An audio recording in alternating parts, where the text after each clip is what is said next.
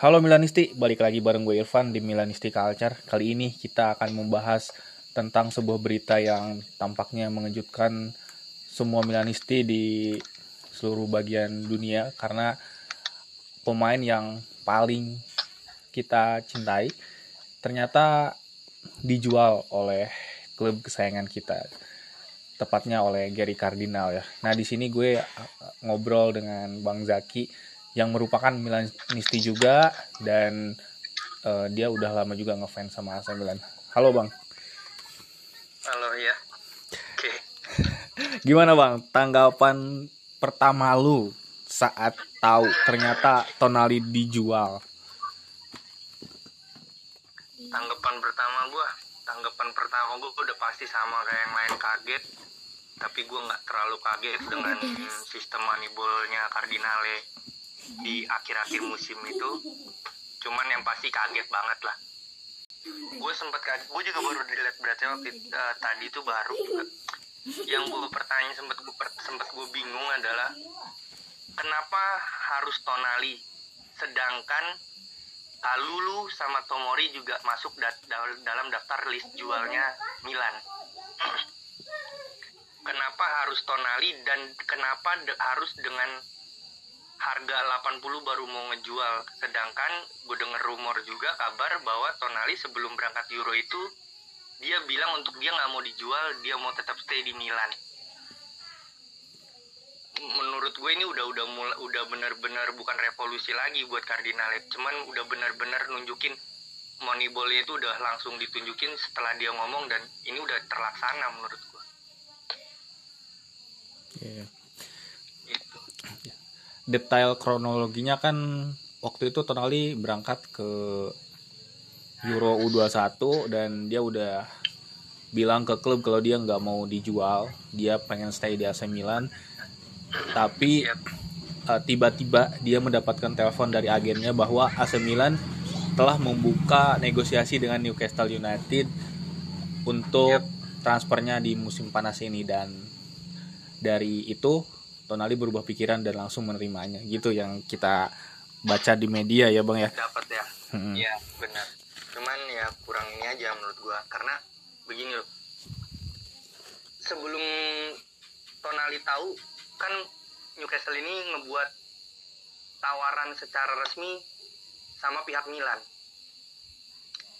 Yang gue sayangkan kenapa pihak pihak pihak dari Furlani ini atau pihak dari Milan ini nggak mengatakan not for sale kepada Newcastle. Gitu menurut sedangkan Tonali ini uh, kontraknya masih panjang. Tonali kontrak masih panjang. Pemain yang kita sama-sama tahu juga musim ini bersinar juga di Milan. Kenapa harus dijual sama Newcastle gitu? Dan kenapa satu kali bid dari Newcastle langsung diterima? Itu pertanyaan gue dan menurut gue ini nggak sejalan sama kata-kata Furlani waktu Maldini uh, dipecat kan gue sempet denger juga di di media Furlani ini sempat bilang ke Milanisti ke media bahwa dia akan meneruskan apa yang sudah diteruskan oleh Maldini dan dia akan mempertahankan semua pilar-pilar intinya. Tapi dengan penawaran Newcastle sekarang dan diterima oleh Furlani, menurut gue ini nggak sejalan sama apa yang diomongin dan menurut gue wajib juga Milanisti untuk untuk protes sama Kurlani atas penjualan Tonali ini. Oke, anggap aja di sini gue nggak tahu apa apa ya. Menurut lo, apa yang membuat Tonali itu spesial dan seharusnya nggak dijual? Yang pasti dia ini wajah wajah baru buat Rossoneri. Wajah baru buat Milanisti wajah baru buat Milan. Menurut gue pribadi ya. Dia punya kesetiaan yang loyalitas yang tinggi banget. Dia rela motong gaji dia rela dia rela untuk uh, perpanjang kontrak tanpa minta embel-embel yang lain. Dan dia pemain yang paling paling sedikit cederanya dia orang yang paling pemain yang paling fit menurut gue karena dia nggak rentan cedera. Pemain yang hampir selalu ada jadi ada di starting up-nya Pioli. Orang yang selalu benar totalitas saat di lapangan. Oke. gue bukan bil gue gue nggak pernah beranggapan Tonali ini nggak boleh dijual ya. Gue cuman men- menyayangkannya gini loh. Tonali ini baru berapa musim di Milan grafik Milan ini baru mulai naik. Menurut gue dengan lu ngejual Tonali sama aja lu ngurangin dari enam pilar intinya Milan. Menurut gue pilar inti Milan itu Maignan, Theo, Leao, Tonali, Benacer, sama Tomori musim ini menurut gua ya. Kalau salah satu kayak Tonali aja lu jual itu udah bikin keseimbangan tim inti itu udah goyang Benacer kita sama-sama tahu dia cedera panjang. Yang mau kita andelin siapa sekarang? Kronik Kronik aja menurut gua nggak bisa se nggak bisa se outstanding kayak Tonali. Untuk gantiin Tonali ya. Apalagi banyak Milanisti juga atau banyak media juga yang sekarang bilang katanya eh, yang Tonali ini mau digantiin sama eh, Paratesi ya? Betul. nah gue gue sedikit bingung. Kenapa banyak media yang merumorkan Milan dengan Paratesi Tonali dijual gitu. Tonali dijual ke Newcastle itu hampir jadi loh. Udah dondil malah kalau katanya Nicolas Nicolas Sira. Udah dondil sama Newcastle. sedangkan Paratesi itu masih rumor. Dan sekalinya pun Paratesi gabung ke Milan gua rasa nggak akan secepat kilat dia akan ngegantiin Tonali di tim menurut gua. Milan ini grafik lagi naik. Pemain intinya udah udah udah punya udah punya udah punya jiwanya masing-masing untuk main sama-sama. Terus seketika sekarang musim musim baru nanti akan di akan dirombak lagi tim intinya. Menurut gue itu itu kesalahan besar tim menurut gue Tonali ini nggak nggak nggak layak dijual karena Tonali ini punya loyalitas yang tinggi. Tonali ini nggak nggak gampang cedera yang nggak gampang nggak gampang absen pertandingan. Kita butuh pemain kayak gitu. Kita butuh pemain yang Spartannya kayak Tonali. Oke, baik. itu makanya kenapa gue bilang Tonali nggak nggak nggak layak untuk dijual. Tonali itu harusnya sama kayak Mike Nan dan Leo. Dia tuh nggak kesentuh harusnya Sebelumnya kita kan udah kehilangan sosok ikon Milan ya dalam diri Maldini dan Ibrahimovic yang saat ini udah nggak ada di klub. Itu kan bisa kita sebut mereka ada di luar tim lah ya. Nah sekarang manajemen malah menjual pemain yang rasanya itu Milan banget gitu kayak Tonali itu mewakili kita gitu. Tonali itu tahu caranya bermain untuk AC Milan itu seperti apa. Tonali itu tahu eh, seberapa berharganya mengenakan jersey Rossoneri arti merah hitam itu. Sangat eh, tidak suka ya dengan keputusan ini. Menurut lo, menurut lo nih, kita bicara soal harga deh. Apakah tawaran 80 juta itu kurang untuk seorang Sandro? kalau untuk sekarang ya menurut gua Tonali ini nggak bisa disebut harga. Tonali ini udah nggak bisa dihargain karena dia pemain inti pemain penting. Salah satu pilar penting dari skema Pioli. Mau mau dia sesuai apa nggak dihargain 80 juta atau bahkan 100 juta sekalipun menurut gua nggak sebanding sama skema Pioli yang bakal hancur nantinya. Nggak akan sebanding sama permainan yang nantinya nggak tahu kita kayak gimana bukannya bukannya mau mendahulukan sesuatu ya cuman kita logikanya aja kita nyatanya faktanya aja. Sedangkan ditinggal Tonali sama Benacer aja cedera atau ditinggal sama Theo cedera kita hancur-hancuran main. Itu nyatanya. Apa apalagi harus dengan pemain baru. Itu nggak akan langsung klop.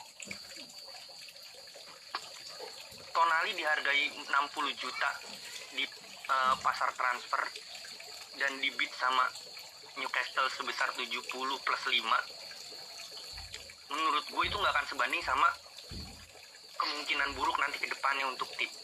Karena begini loh menurut gue nih pemain inti kayak Theo, Leao, Giroud, Ismail Benecer, Tonali, Maignan, Tomori dengan dipecatnya Maldini aja mereka udah gusar.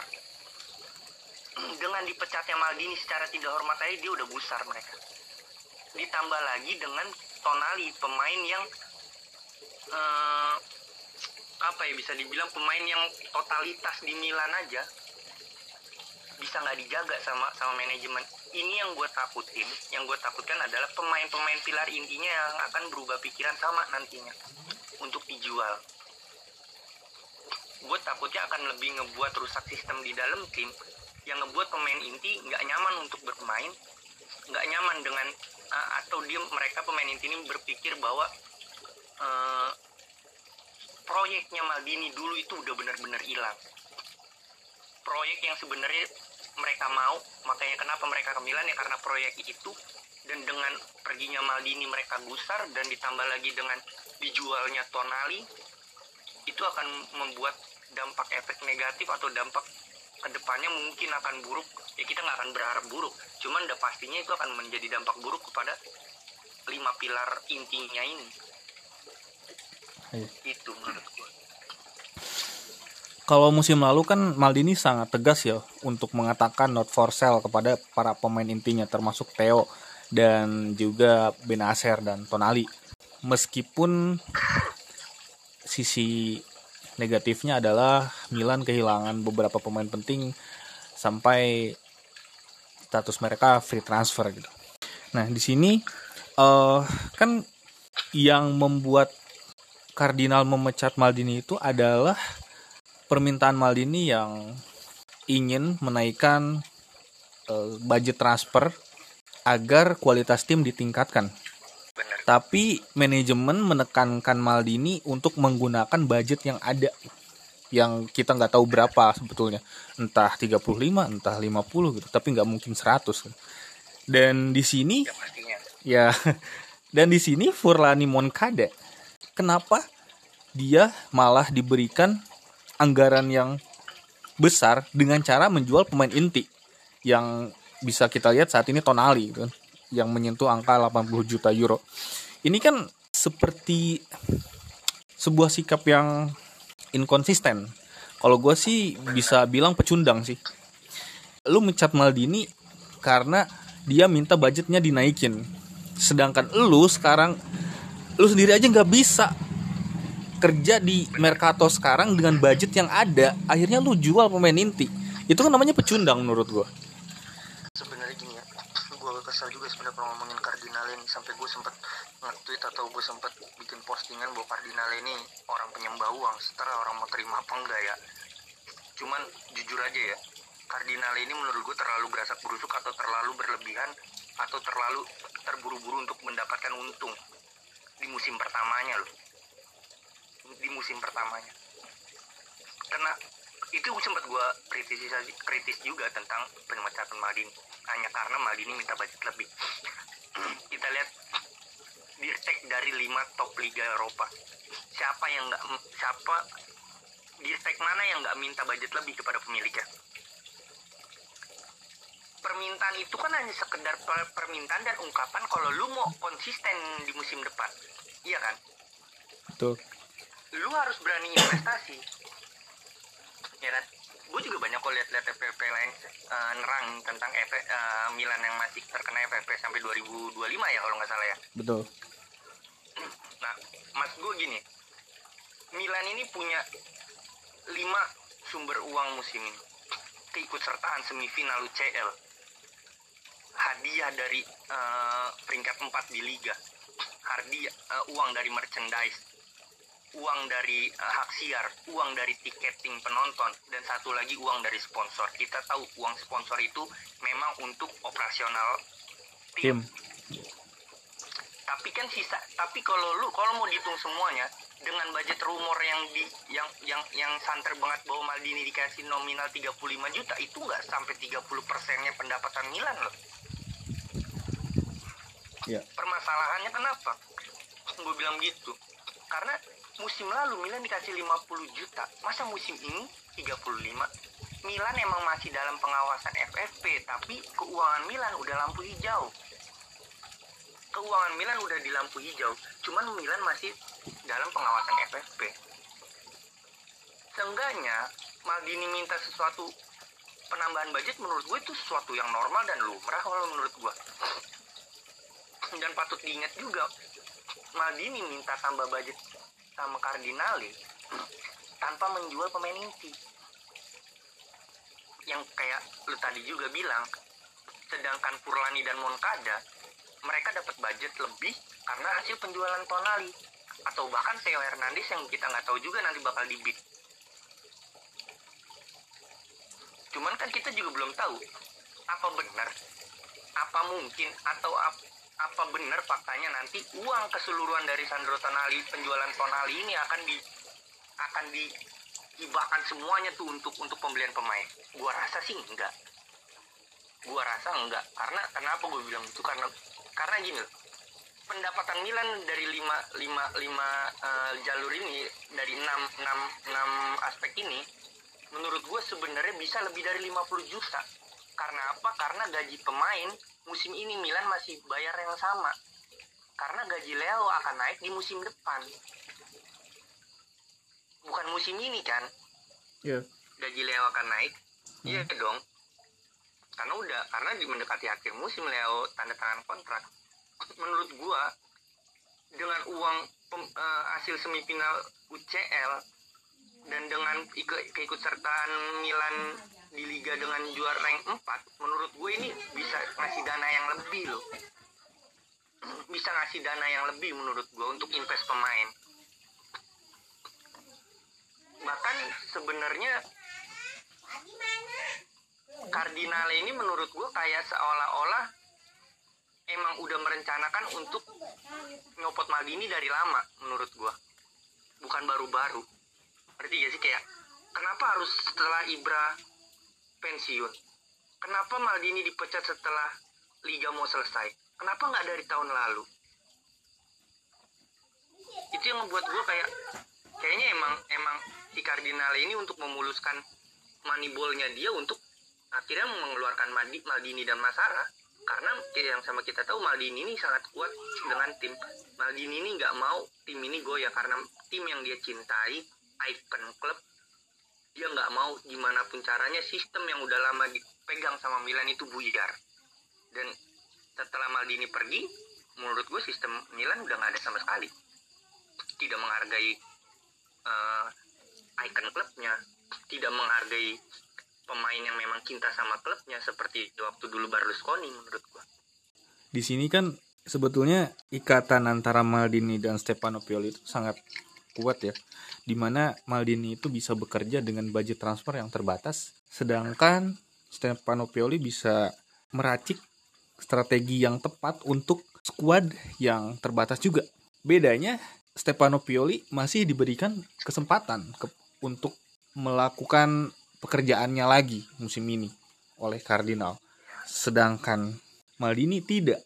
Gue di sini ngerasa andai juga Maldini punya uang 80 juta di Mercato, dia bisa berbuat lebih baik dari siapa pun.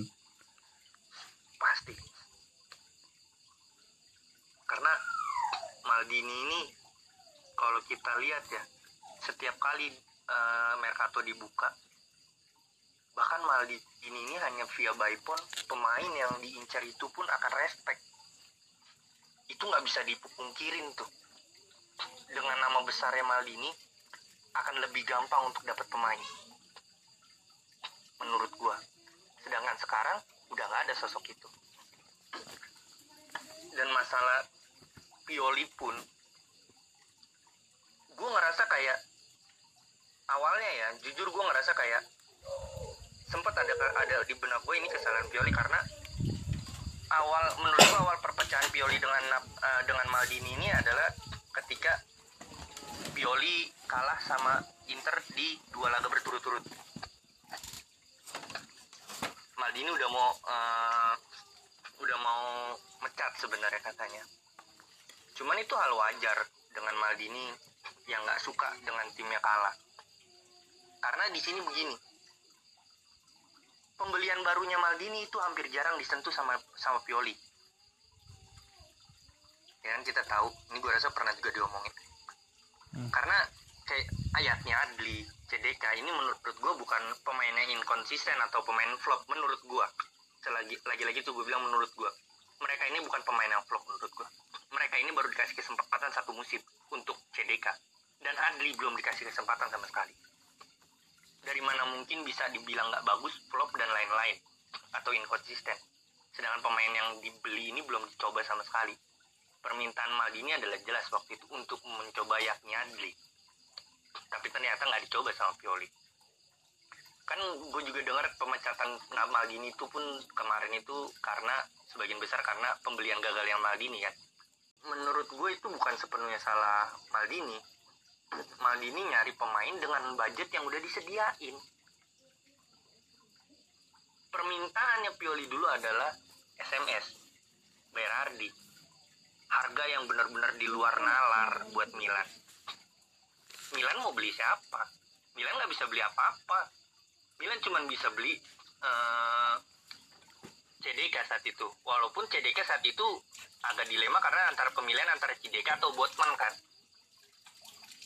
Tapi kan sama-sama tahu juga bahwa lini pertahanan Milan saat itu udah klop. Sedangkan yang kurang ini adalah nomor 10 nya Milan AMF maka itu kenapa Maldini milih CDK iya gue akuin CDK emang mainnya nggak bagus di Milan cuman menurut gue itu karena pertama faktor yaitu tadi gue bilang belum belum belum sehati permainannya skemanya belum nyatu. Dan ini juga yang gue takutin nantinya ketika sekalinya pun Ferratesi datang dan Tintonelli itu nggak akan instan menurut gue sedangkan Milan ini sekarang harus harus ngejar kekalahan. Kita kalah dari Iler tiga tiga tiga tiga pertandingan itu memalukan bener buat gue musim ini tuh harusnya waktunya Milan untuk bangkit lagi gitu. Waktunya Milan untuk unjuk gigi lagi. Coba lagi di ajang UCL coba lagi untuk rebut Scudetto balik. Itu kan maunya Maldini. Makanya Maldini minta tambahan dana dari Cardinal tapi kan nyatanya nggak ada. Malah Maldini yang dipecat.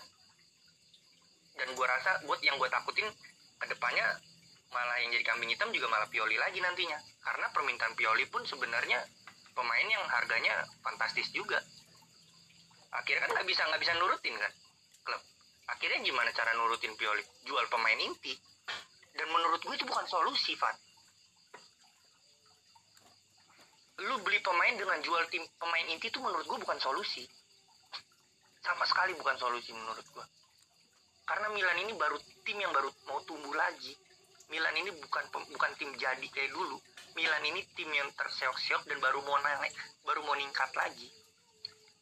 Harusnya lu jaga grafiknya, jangan lu biarin turun. Dan kalau emang benar terjadi tentang Moneyball ini yang dibuat sama Cardinale nanti ke depannya, Milan menciptakan pemain muda yang murah dan dijual dengan harga tinggi, menurut gue Milan nggak ada nggak ada bedanya sama nanti klub sekelas Parma atau Brescia. klub yang cuman mentingin gimana caranya jual pemain tanpa mikirin prestasi klub ya sorry itu sih ya emang itu nyatanya nantinya kalau sampai mana bila ini terjadi ya. karena Arsenal pun begitu kan dulu hmm. kita aja belum selesai ngerasain kehilangan dari seorang Frank Casey ya musim lalu musim ini kita udah pasti kehilangan Benacer sekitar 6 bulan 7 bulan karena cedera ya. iya dan Tonali malah dijual sekarang sisa Rade Krunic dan Pobega nih. Dan nama yang diincar itu adalah David Pratesi yang dia itu udah secara terang-terangan lebih menyukai bermain dengan sistem tiga gelandang. Sedangkan Pioli bermain dengan 4-2-3-1. Di sini gue meragukan kabar bahwa Pioli ini dilibatkan di Mercato kali ini. Milan itu bukan tim kuat seperti Madrid yang udah punya starting yang kuat, cadangan yang mumpuni juga bahkan Milan itu startingnya aja belum kuat dan kita menjual pemain intinya lagi gitu. Ya ya oke okay lah oke okay lah kita bisa membeli 2 sampai tiga pemain dengan uang dari penjualan Tonali. Tapi apakah pemain itu akan langsung memberikan dampak seperti Tonali? Kan enggak juga. Ya benar. Itu juga makanya gue bilang uh, Milan ini starting up 12 dari 12 pemain inti Milan itu yang inti sebenarnya itu cuma 6 betul. Gimana ceritanya yang 6 ini mau lu kurangin? Sedangkan Milan dari ke 6 ini udah kehilangan satu cedera. Iya kan? Iya. dengan ditambah lagi rumor yang katanya Theo mau di beat lagi sama MU atau sama eh, Atletico. Dan Milan terbuka untuk itu. Sebenarnya gue hampir berpikir bahwa sebenarnya pemain inti ini tidak berniat untuk nggak berniat untuk cabut dari Milan tapi karena eh, statementnya Milan Furlani sebagai selaku CEO klub mengatakan bahwa lu tersentuh di di pasar transfer menurut gue itu akan ngebuat eh, pemain mana pun akan ngerasa sakit hati ketika lu pengen stay tapi lu malah dijual. Ngerti gak sih? Ya. itu akan ngebuat lu sakit hati pastinya. Dan ini yang gue bilang tadi juga makanya apa seyakin itu? Oke oke oke sekarang atau kita balik lagi gini dulu. Oke Mercato Itali belum dibuka. Mercato Itali baru dibuka 1 Juli. Oke benar. Tapi dengan dengan dengan startnya aja Milan seperti ini gue nggak yakin Milan dapat. Pemain yang bener-bener klop kayak Tonali. Maunya Maldini dulu adalah kita nggak jual pemain inti tapi kita nambah kedalaman squad sekarang enggak. Mereka merasa bahwa beli jual satu pemain bisa dapat dua tiga pemain untuk memperdalam squad. Itu nggak memperdalam squad. Lu hanya akan menambah pos gaji nanti buat Milan menurut gua. Beli pemain satu lu keluar tiga masuk atau dua masuk akan nambah kos gajinya Milan dan belum belum belum ada jaminan 100% bahwa pemain it- yang baru gantiin Tonali ini akan sebagus Tonali atau seenggaknya klop dulu lah. Dan menurut gua duet Furlani Moncada ini bisa dilihat dari startnya aja udah begini ya mohon maaf. Maldini Masara dulu atau Mal- eh, dan Maldini Boban dulu. Dengan gampang mereka jual pemain sebenarnya. Castileo yang susah di susah di pasaran bisa laku Colombo akhirnya laku. Ada ada ada buyback lagi. Tambah lagi dulu siapa lagi tuh yang dijual di zaman Maldini siapa sih? Eh, Laksal, eh, Laksal. Pak Pakueta, Piatek, Suso. Pakueta Piatek Suso. Ka- Castileo. Mereka laku. Mereka mereka bisa laku di pasar bahkan mereka bisa ngasih pundi uang. Kenapa kayak sekarang Rebic, Origi yang mau dijual Balotelli nggak bisa kejual? Orang bilang mungkin ya karena pemainnya nggak nggak laku di pasaran oke. Tapi itu juga tergantung direktur tekniknya. Gimana cara lu masarin nih pemain? Untuk gimana caranya biar bisa laku Sayap kanan Mesias sudah udah cuma satu musim dan gua rasa juga nggak akan perpanjang dan nggak tahu Dede ini gimana. Saya udah jelas-jelas terang-terangan dia bilang dia minta dijual. Iya. karena kurangnya menit bermain. Terus kehilangan Benacer di untuk jangka waktu enam bulan. Ditinggal Tonali dan siapa lagi kita nggak tahu. Sekarang gini loh. Mau lu mau Furlani pagerin Theo, Leo, Maiknan dengan harga 120 lebih juga. Mereka lupa klub IPL ini adalah pemilik-pemilik gila. Sekarang gua gua mikir gini loh Tonali ini kan di pasar transfermarkt kan dia di dihargain 60 juta ya? Iya. bisanya Newcastle datang ke Milan ngasih proposal harga 60 kan nggak ada penawaran tandanya Langsung baru gue bayar gitu. iya, langsung dibayar lu kontan. Gila gue bilang. Segini doang. tandanya kan lu iya segini doang. Lu bayangin kalau klub lain minta minta lapak minta 70 minta 80 itu tuh nanti tuh mau mendekatin Mercato dia baru berpikir tuh oh yaudah deh akhirnya gua ambil. Newcastle cuman selang waktu dua hari atau satu hari. Kelar transfernya. kelar transfer Inter ketika Barella ditawar Inter mengatakan tidak di awal.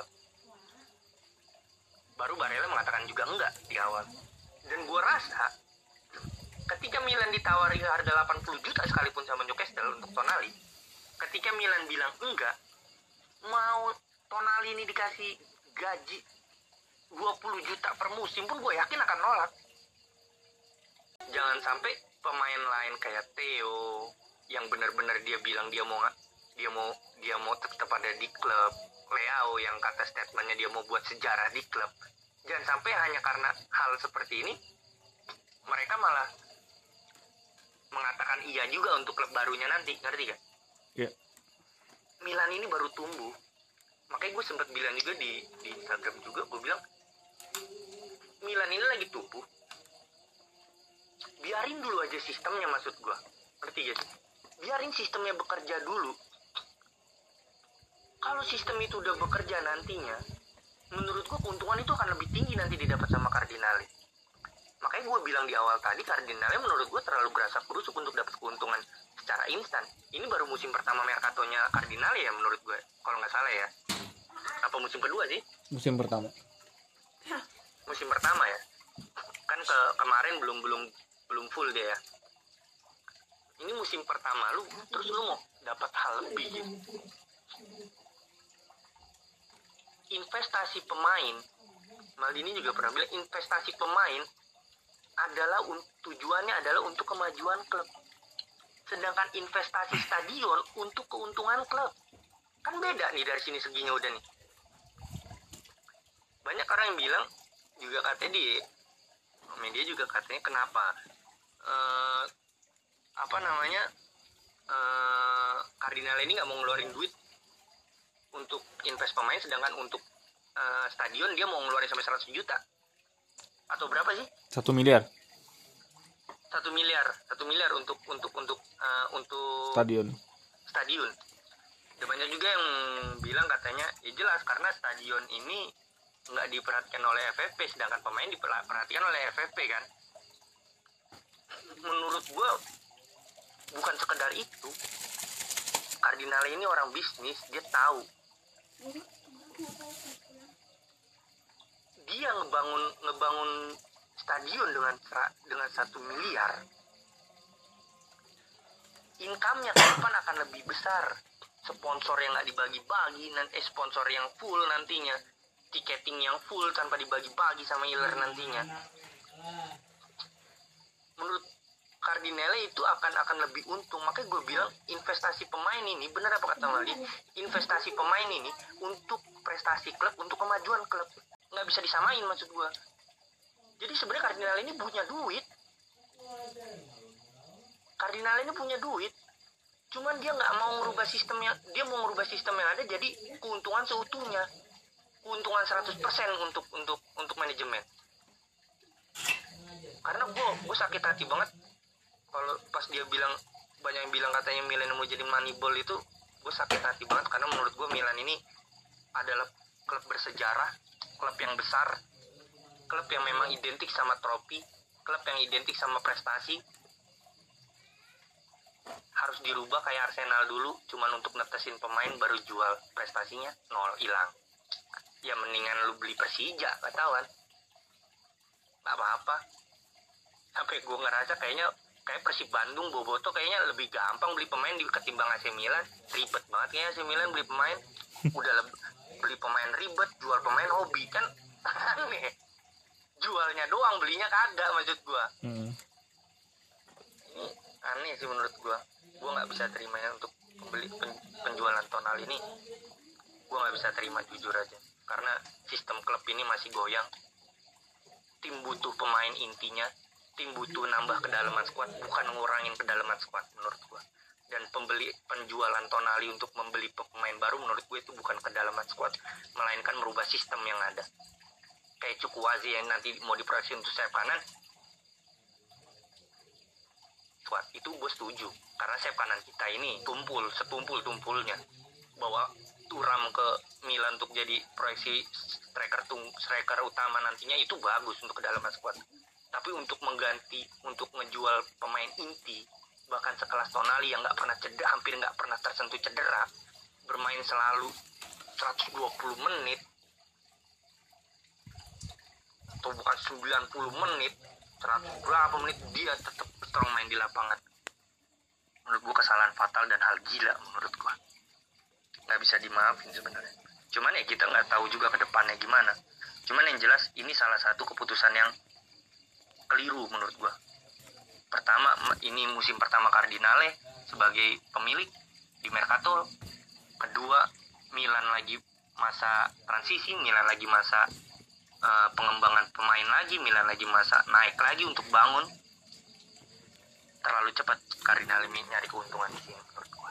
Gitu. Ya. gue juga ngerasa di sini tuh Cardinal terlalu latah ya untuk melakukan banyak perubahan seperti apa yang dia inginkan di klub dengan uh, memecat Maldini, tidak memperpanjang Ibrahimovic, menjual Sandro Tonali, dan mempertahankan Stefano Pioli. Sebetulnya kan ketika Maldini mempertahankan pemain intinya itu di sana itu ada sebuah kepercayaan yang ditaruh kepada para pemain. Ketika ada sebuah klub yang datang untuk menawarkan harga, Maldini udah menolak duluan untuk bernegosiasi.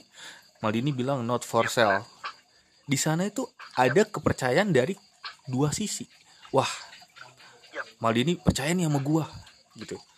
Jadi nggak ada tuh rasanya para pemain itu kepikiran untuk meninggalkan klub sama sekali. Bahkan ketika Maldini udah pergi pun Tonali, Theo Maignan dan uh, Leo mereka masih stay di Milan. Mereka masih ingin berkontribusi banyak untuk Milan gitu. Tapi ketika mereka ngerasa not for sale itu udah diilangin mereka ngerasa kepercayaan itu udah nggak ada oleh karena itu Tonali ya udahlah kalau misalkan emang gua udah dimasukin ke daftar jual klub berarti mereka udah nggak percaya lagi sama gue ya udah gue terima. Lagian gajinya juga gede. Uh, gajinya gede gue main di Liga Champion main di liga terbaik di dunia. Apalagi? Gitu. menurut gue dengan cara kardinale sekarang ini itu ngebuat klub nggak lebih besar dari duit ngerti gak sih? Itu lebih parah daripada klub nggak lebih besar daripada pemain. Bahkan sekelas Maldini pun merasa dia nggak lebih besar dari klubnya tapi Cardinale ngebentuk sebuah sistem yang ngerasa gue rasa ini ngerubah ke culture itu yang ngebuat klub nggak lebih besar daripada pundi-pundi yang akan didapat.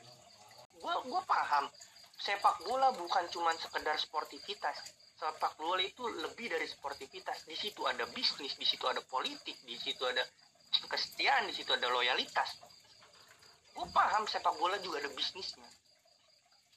Tapi ketika menurut gue ketika bisnis itu lebih besar dari sebuah klub klub itu nggak akan pernah nggak nggak akan pernah tahu kata menang. Pemain bukan cuma butuh uang pemain juga butuh dihargai Ronaldo pergi dulu dari Madrid alasannya karena satu tidak dihargai balik ke MU alasannya karena satu tidak dihargai Iya kan? Iya. Sedangkan Ibra balik lagi ke Milan itu dihargai. Itu Milan. Di mana klub lebih besar dari apa pun. Ibra datang untuk kepentingan klub, dia untuk kepentingan Milan agar bisa naik lagi ke puncak. Dan dia dapat applause, dia dapat rasa hormat dari para Milanisti dan Kutpasu. Itu yang gue bilang, semua butuh duit, tapi pemain juga butuh dihargai. Kayak misalnya kenapa mereka tetap bertahan di Milan karena ada Maldini, Masara yang percaya. Yang tadi lu bilang. Mereka merasa dipercaya, mereka merasa di didukung, mereka totalitas. Tapi sekarang mereka hanya dipagari harga tinggi, tapi mereka tetap terbu tangan terbuka untuk negosiasi menurut gua Cardinale Furlani dan mohon maaf Moncada juga udah mencederai kultur dari Milan itu sendiri sejarah itu sendiri bahkan gue kutip sedikit dari dari kata-kata Ancelotti saya saya banyak melihat klub yang berbisnis tanpa melihat sejarah dan mereka nggak menang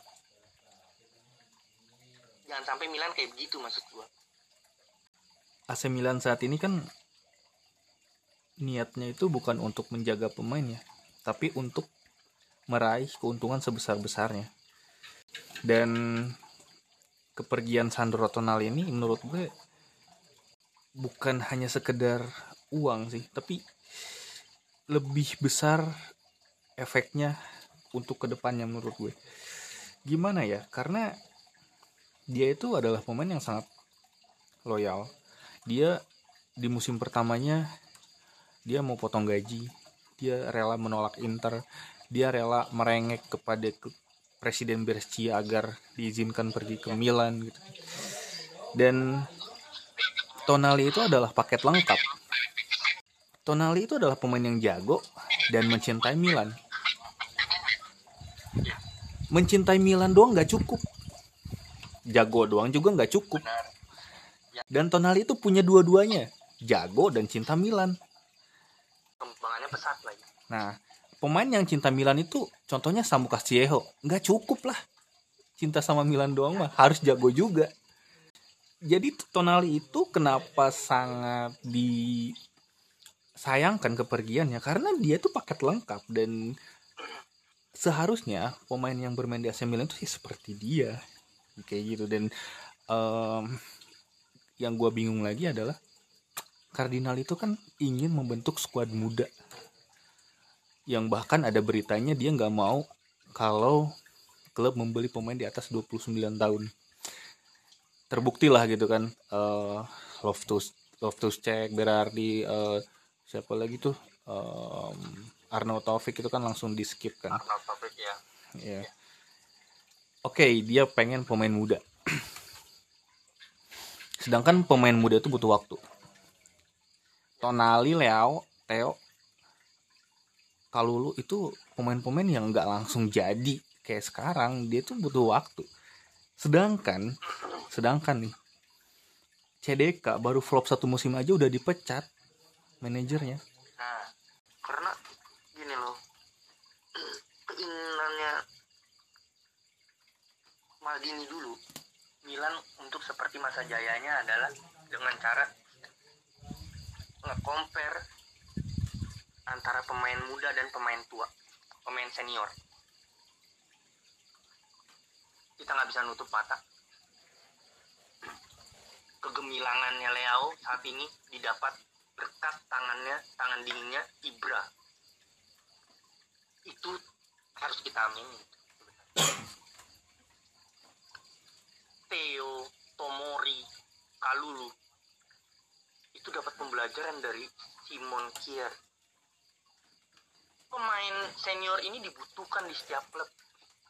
Karena menurut gua pelatih itu hanya sekedar bukan hanya sekedar nanti gua disangkanya terlalu mengecilkan pelatih itu adalah so- seorang meramu mer- meramu atau meracik skema formasi melatih bagaimana caranya formasi yang dia bentuk itu bisa bagus formasi yang dia bentuk bisa mematikan di lapangan tapi mental itu bisa dibangun dari pemain-pemain senior.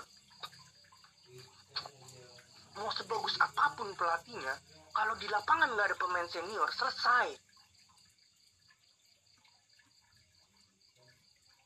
Selesai. Milan sebelum adanya Ibra sebelum ada Simon mereka punya mereka waktu zamannya Hongli mereka punya pemain bagus tapi nggak punya mental Cardinale terlalu menutup mata untuk itu semua. Karena menurut gue gini Cardinale ngebeli Milan ketika Milan menang Scudetto. Cardinale melihat dengan skuad seperti itu dengan skuad seadanya Milan bisa Scudetto. Ini mungkin ya, ini pemikiran konyol gue atau pemikiran logika pendek gue Cardinal Redbird Redbird melihat wah Milan bisa bisa bisa menang dengan skuad begini. Gue beli dilepas. Dia nggak mau nambah squad dia nggak mau beli jor-joran karena dia merasa Milan dengan dengan dengan dana seperti dulu aja bisa Scudetto masa sekarang lu nggak bisa buat kayak gitu lagi?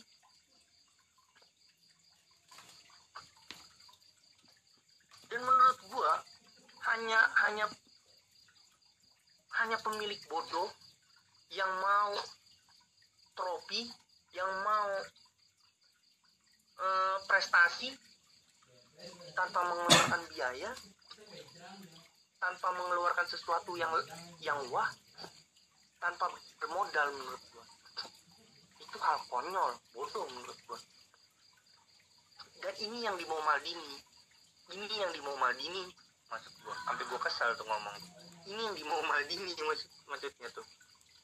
Lu jangan puas hanya karena Scudetto yang udah 10 musim satu dekade lu dapat terus lu berpuas diri. Lu udah dengan dengan dengan dengan squad itu aja. Eh Theo mau sampai kaki patah lu pakai. Hah? mau sampai kapan lu pakai Theo terus? Theo nggak pernah istirahat. Emang lu pikir di Italia ada sanggal putung? Seenak sih aja mainin pemain nanti cedera tinggal diurut kan kagak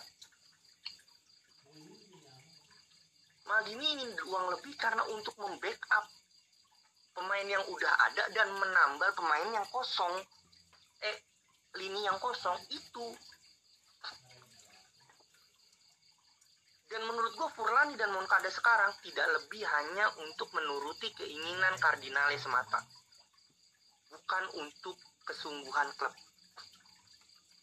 Karena Cardinale dan Moncada mencari pemain hanya sesuai kebutuhan dari eh keinginan dari Cardinale.